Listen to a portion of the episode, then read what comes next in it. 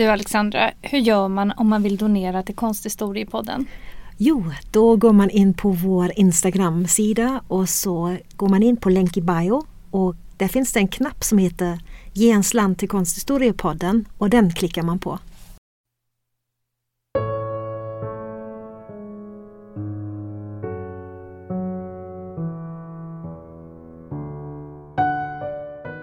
Hej och välkomna till Konsthistoriepodden. Jag heter Alexandra Frid.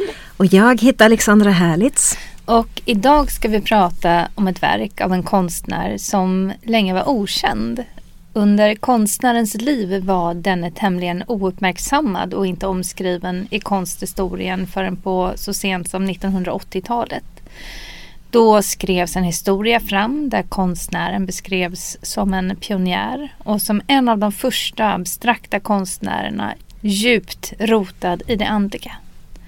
Under de senaste decennierna har hon således blivit en av Sveriges mest kända internationella konstnärer. I dagens avsnitt kommer vi berätta om hur det gick till när Hilma af Klint erövrade konstvärlden 40 år efter sin död. Hur enskilda gärningar spridit hennes konst och byggt upp en mycket tilltalande konstnärsmyt. Men vi kommer också att prata om den senaste forskningen som med största sannolikhet kommer att leda till att Hilma af Klints konstnärskap kommer återigen revideras och omvärderas. Det var när vi var på Los Angeles County Museum som idén om att skriva om Hilma af Klint föddes. När vi stod i utställningslokalerna på detta eminenta museum väcktes det många tankar om hur Hilma af Klint hamnade jämte de största abstrakta konstnärerna som helt okänd drygt 40 år efter hennes död. Hur hände detta? Hur är det ens möjligt? Där och då på Lakma väcktes tanken om att försöka förstå vägen från ett i princip helt okänt konstnärskap till att bli pionjärförklarad världen över. Historien är ett perfekt exempel på myt. Kanske en familjemyt som växte fram och som sedan skrevs fram som sanning och historiska fakta. Vi ska alltså ta oss an ett verk av den svenska konstnären Hilma af Klint och verket som vi har valt ut kallas Svanen nummer ett och ingår i gruppen av en större serie. Verket är daterat till 1915 och tillhör stiftelsen Hilma af Klints verk. Nu ska vi titta lite närmare på bilden. Målningen förefaller vara nästintill kvadratisk. Kompositionen innehåller två rektangulära fält. Den övre rektangeln är svartmålad och innehåller en vitgrå svan med blå fötter och blå färgdetaljer runt den brunorangea näbben. I det nedre gråvita rektangulära färgfältet finns en svart svan med gula detaljer runt näbb och ögonen. Penseldragen i målningen är ganska fria och lösa, kropparna mer så än fåglarnas huvuden. Kropparnas färg verkar vara pålagd snabbt i vad som förefaller lite yviga penseldrag. De två svanarnas näbbar möts i vad som kan liknas vid en kyss i linje med gränsen av de två kontrasterande färgfälten. Verket är ett av 24 verk i samma serie som behandlar olika svanmotiv enligt alkemisk filosofi. Vi kommer komma tillbaka till konstverket lite senare i avsnittet. Men först vill vi veta lite mer om konstnären. Det är ganska svårt att skapa sig en bild av Hilma af Klint. Det är en konstnär som på ett sätt är helt anonym trots att hon lämnade 26 000 anteckningssidor efter sig. Men vem var nu denna kvinna som 40 år efter sin död förförde världen med sin konst? Hilma af Klint föddes på Karlbergs slott år 1862 och var dotter till kommendören Fredrik af Klint och Andrietta Matilda och växte upp på Hanmoragården på Adelsö i Mälaren. Det går nästan inte att nämna Hilma af Klint utan att nämna spiritism. Vissa källor menar att redan som ung kvinna i 17-årsåldern så började hon gå på spiritistiska seanser. I hennes sökande närmade hon sig flera olika filosofiska riktningar och 1889 gick hon med i det teosofiska samfundet. 1896 till 1897 var hon medlem i Edelweissförbundet och hon hade även samröre med Rosenkreuzarna. Hon visade tidigt upp konstnärliga talanger och vid 18 års ålder började hon studera porträttmåleri på Tekniska skolan i Stockholm, eller Konstfack som det heter idag. Efter dessa studier fortsatte hon sin utbildning vid Konstakademin i Stockholm mellan 1882 och 1888. Efter utbildningen delade hon en ateljé på Hamngatan 5 i Stockholm ihop med konstnärskollegorna Alma Arnell och Lotten Rönnqvist. Ateljén låg i samma byggnad som Blanche Café och Blanche konstsalong där striderna mellan Konstakademin och Konstnärsförbundet utkämpades. Som man kan föreställa sig var det svårt att försörja sig som konstnär, inte minst som kvinnlig konstnär i slutet av 1800-talet och början av 1900-talet. Men Hilma af Klint tjänade pengar som porträtt och landskapsmålare i olja och akvarell och liksom många andra konstnärer drygade hon ut kassan med illustrationsuppdrag.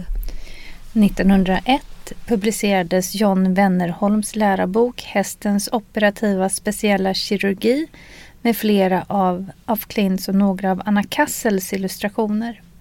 1904 kom Laura Fittinghoffs Lille Lappnatti ut med tio av Hilma af Klints illustrationer. Fittinghoff är kanske mest känd för sin ungdomsroman Barnen från Frostmofjället. Under de första åren av det nya seklet ställde Hilma af Klint även ut som konstnär, däribland på konst och industriutställningen i Norrköping, Lundutställningen och på Blanche konstsalong. Hon deltog även i föreningen Svenska konstnärinnors utställning på Konstakademin i Stockholm och visade dessutom målningar i den baltiska utställningen år 1914 för att nämna några. Apropå den baltiska utställningen. I vår konsthistorieskrivning har det nästan blivit en tävling vem som har varit upphovsman till det allra första abstrakta konstverket. Alltså ett konstverk som visar former och färger som inte avbildar något figurativt. Den ryskfödde Vasilij Kandinsky ansåg man länge vara upphovsman till det första abstrakta konstverket.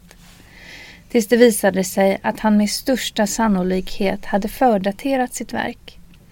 Den tjeckisk-franske konstnären František Kupka ansåg man sedan vara den första abstrakta målaren. I och med Hilma af Klints inskrivande i konsthistorien ser vissa henne nu för tiden som den första abstrakta konstnären. I forskningen påpekar man gärna att också Vasilij Kandinsky ställde ut i Baltiska utställningen 1914. Men det är viktigt i detta sammanhang att komma ihåg att Hilma af Klint inte visade sina abstrakta verk i Kandinskys avantgardistiska anda på denna utställning utan mera traditionella konstverk i en naturalistisk stil. Som vi nämnde tidigare arbetade af Klint till en början mest med traditionella porträtt och landskapsmåleri. Men från 1906, alltså vid 44 års ålder, började hon utforska mer abstrakta motiv. Verken var grundade i teosofin och Rosenkreuzfilosofin som senare skulle bli präglade av antroposofin och som Hilma af Klint var väldigt intresserad av. I och med utträdet från Edelweissförbundet grundade hon ihop med fyra andra kvinnor en grupp som kallades De fem. Där ingick Anna Kassel, Cornelia Cederberg, Sigrid Hedman och Matilda Nilsson. De fem började ett spiritistiskt utforskande i skapandet som de dokumenterade i anteckningsböcker mellan 1896 och 1907. Utöver seanser läste de Nya testamentet. Sigrid Hedman fungerade som den kanaliserande faktorn och fick gruppen att utföra olika övningar som automatisk teckning. Och under 1906 utförde af Klint sin första abstrakta serie målningar. Enligt de fem var de i kontakt med andra som de kallade för de höga. De höga var enligt denna konstnärskrets ett hemligt brödraskap av högt utvecklade varelser som övervakade mänsklighetens utveckling och de besatt en högre visdom som de förmedlade till de fem. De fem kombinerade denna tro med Rosenkreuzarnas idéer och hävdade att de höga var ett kosmiskt brödraskap som hade funnits sedan tidernas gryning. Redan på 1700-talet hade sådana idéer spridits inom rosenkreutzarna. Detta var ett starkt inflytande för gruppen som inte bara förmedlade symboler utan att de var just utvalda till denna hemliga grupp. De fem trodde att de var utvalda av de höga för att få ta del av deras hemliga undervisning. En initiering som skulle ske i tre steg genom vilka de gradvis skulle förfina sitt medvetande och uppnå högre kunskap om de dolda aspekterna av världen. De fem kontaktade så småningom andliga guider som de namngav. Amaleil, Ananda, Clemens, Ester, Georg och Gregor. 1904 började dessa andar att efterlysa eller efterfråga ett tempel fyllt med målningar. När de övriga fyra ledamöterna avböjde uppdraget från andarna tackade af Klint ja och i november 1906 började hon arbeta med templets målningar. De fem upplöstes 1907 och strax efter knöt af Klint andra kvinnor till sig som hjälpte henne att utföra de konstverken som nu för tiden är kända som Hilma af Klints egna. Bland dessa kvinnor fanns återigen Anna Kassel som varit med i de fem. Dessutom anslöt Gusten Andersson, Fröken Henström, Helene Westerberg, Inga Hiehander, Alma Anell, Lotten Rönnqvist, Sigrid Lansén och Thomasina Andersson. Efter att ha blivit manad av de höga så målade Hilma af Klint mellan 1906 och 1915 sina viktigaste verk, målningarna till templet. De 193 målningarna är uppdelade i ett antal serier. Man har beskrivit att det konstnärliga arbetet har letts av de höga. Arbetet verkar ha varit kollektivt och kvinnorna samarbetade i utförandet av verken. Under 18 månader mellan 1906 och 1908 målade det kvinnliga kollektivet 111 målningar i vad som har kallats ett mediumistiskt skick. I anteckningar kan man läsa att Hilma af Klint menade att tavlorna målades genom henne direkt och att hon gjorde det genom meddelanden från en ande. Så i princip sa hon till sina vänner vad de skulle måla efter vad anden hade beordrat. Hilma af Klint själv skrev Bilderna målades genom mig direkt, utan föregående teckning och med stor kraft. Jag hade ingen aning om vad bilderna skulle föreställa och ändå arbetade jag fort och säkert utan att ändra ett penseldrag. Hilma af Klints mest kända målningar ska representera livets olika stadier och kallas de tio största. Målningarna mäter över två gånger tre meter och kom till 1907. Mellan 1908 och 1912 skedde ett uppehåll i måleriet men sedan tillkom ytterligare 82 målningar i samma serie. Målningen som vi har valt idag, Svanen nummer ett, tillhör nästa serie som fått namnet Svanen vars målningar kom till mellan 1914 och 1915. Motiven är ibland mer och ibland mindre abstrakta eller målade helt i geometriska former. Det är en serie om sammanlagt 24 bilder som tolkats som en kamp mellan den svarta och den vita svanen. När vi ser på verket Svanen nummer ett kan vi lägga märke till dualiteten eller motpolerna som ofta kan ses i hennes verk. En viktig tematik i Svanen-serien är just det motsatta, polära motsatser som måste förenas i ett universum. Den här typen av idéer hittar vi i teosofin och alkemin i forskningen har man skrivit fram att det särskilt var de manliga och kvinnliga principerna som fascinerade henne och hur ett tillstånd av balans mellan de två könen kunde åstadkomma andlig utveckling. I Svanserien kan man se en mer symbolisk tolkning i sammansmältningen av en svart och en vit svan. Svanarnas näbbar och fötter är målade i gult och blått. Enligt af Klint symboliserade det gula det manliga och det blå det kvinnliga.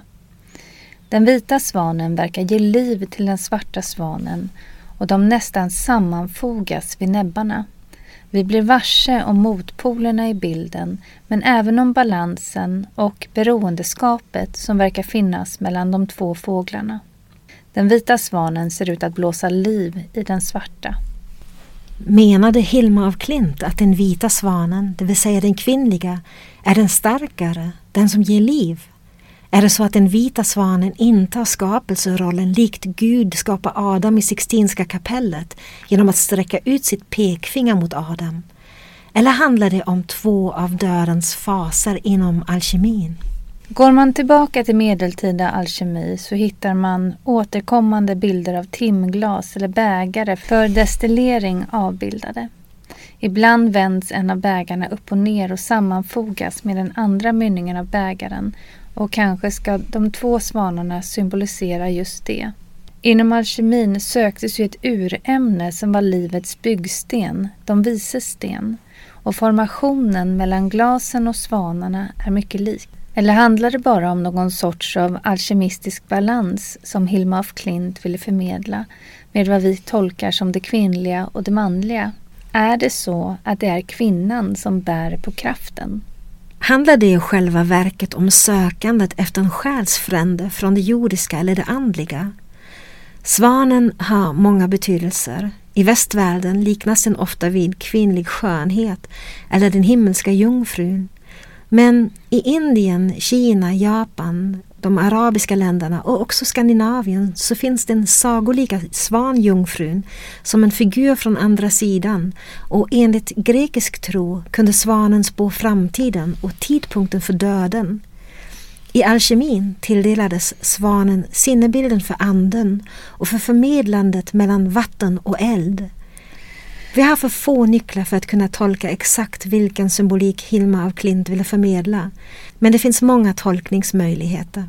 Efter 1915, när serien Målningarna till templet var avslutad, uppvisade Hilma af Klints måleri en större tematisk variation och ända fram till 1941 arbetade hon mestadels i akvarell.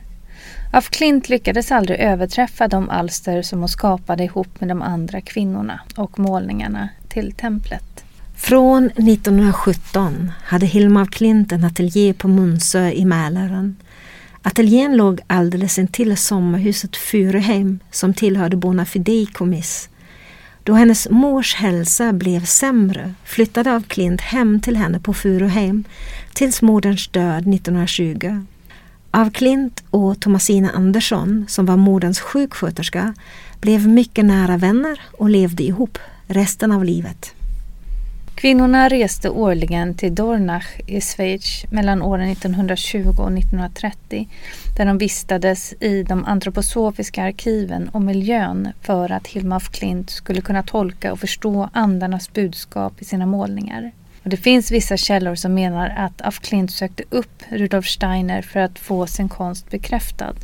Rudolf Steiner hade grundat det antroposofiska sällskapet 1913 i Stuttgart den andliga filosofin, antroposofin, som grundades av Steiner, hade för avsikt att försöka förbinda det andliga med det fysiska i vår värld.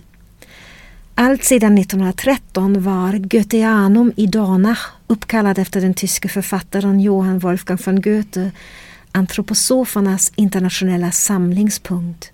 Steiner hade där redigerat Goethes färglära i vilken Hilma af Klint blev mycket intresserad. Zur Farbenlehre skrevs av Goethe och gavs ut i tre delar mellan 1807 och 1809 och det är det första verket där någon systematiskt studerade färgers visuella natur och verkan.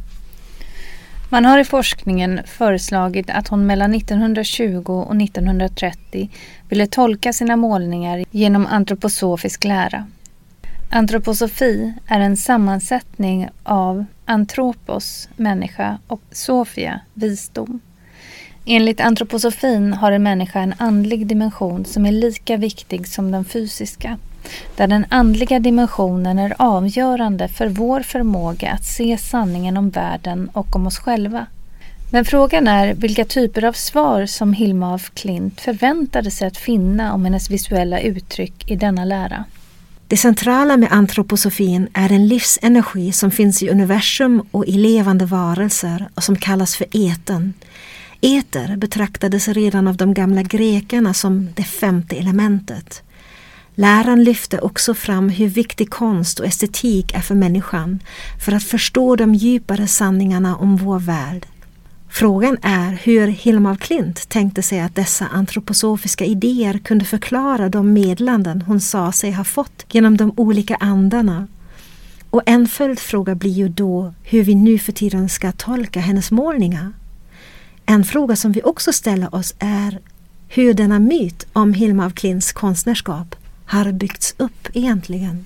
Fram till relativt nyligen sades det att af Klint hade stipulerat i sitt testamente att hennes konst inte kunde förstås av hennes samtid och att verken inte fick visas i offentligheten förrän 20 år efter hennes död. Hur denna skröna uppstått kan vi inte med säkerhet veta förutom att Åke Fant skrev ner denna historia i sin forskning om Hilma af Klint. Testamentet finns idag publicerat på stiftelsens hemsida och där finns inga sådana angivelser eller önskemål. Hilma af Klint testamenterade däremot figurativa och abstrakta verk till brorsonen Erik af Klint. När han gick i pension tog han ner verken från vinden och fotograferade dem. Han visade dem för några museer i Stockholm men fick inget napp. Några år senare, 1972, grundade han då istället stiftelsen Hilma af Klints verk. Så småningom skulle skissböcker och anteckningsböcker förvaras i Antroposofiska sällskapets lokaler i Järna utanför Stockholm. Det har också funnits idéer om att hon inte visade sina abstrakta verk under sin livstid, men så verkar inte fallet vara. Förvisso visade inte af Klint sina verk i stora internationella utställningar, men det berodde nog inte på att hon inte ville visa sina abstrakta verk utan att det fanns lite intresse för henne som konstnär. Det finns uppgifter att hon visade de abstrakta verken i England 1928 i ett antroposofiskt sammanhang. Det finns också uppgifter om att hon skapade resande utställningar.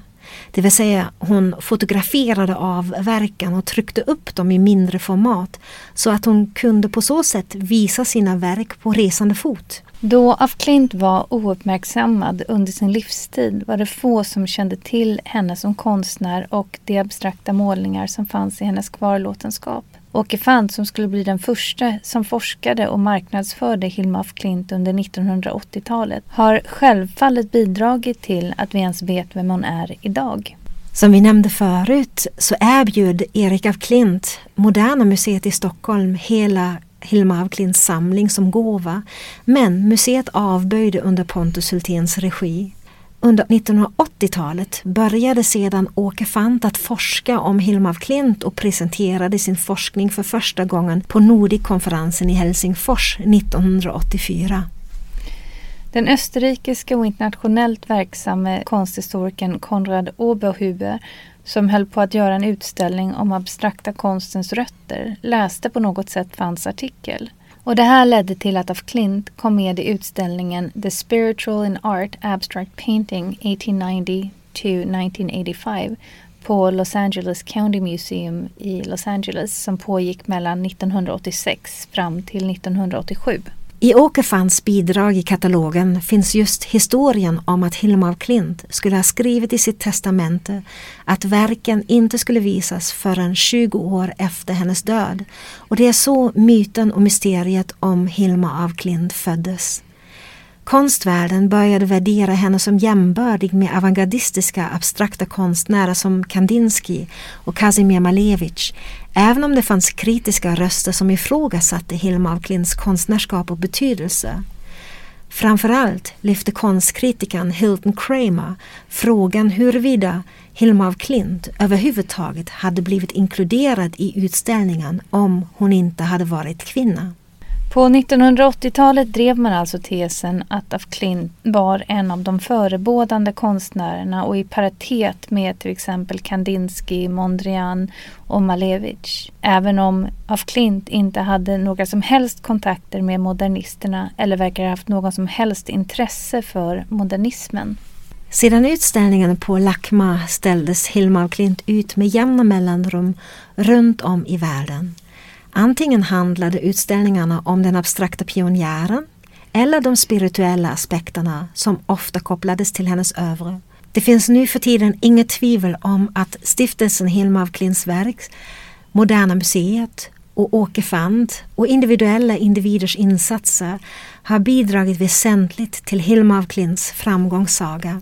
Efter Åke Fands insatser har stora resurser i Sverige lagts på forskning. Framförallt så kan man nämna Axel och Margareta Axelsson Jonssons stiftelse för allmännyttiga ändamål som har bekostat forskningsprojekt om Hilma af Klint på cirka 40 miljoner kronor. För den breda offentligheten blev Hilma af Klint ett fenomen i och med den stora utställningen Hilma af Klint Pioneer of Abstraction på Moderna Museet 2013 som åtföljdes av en seminarieserie. Så småningom kom hennes status som konstnär att höjas världen över.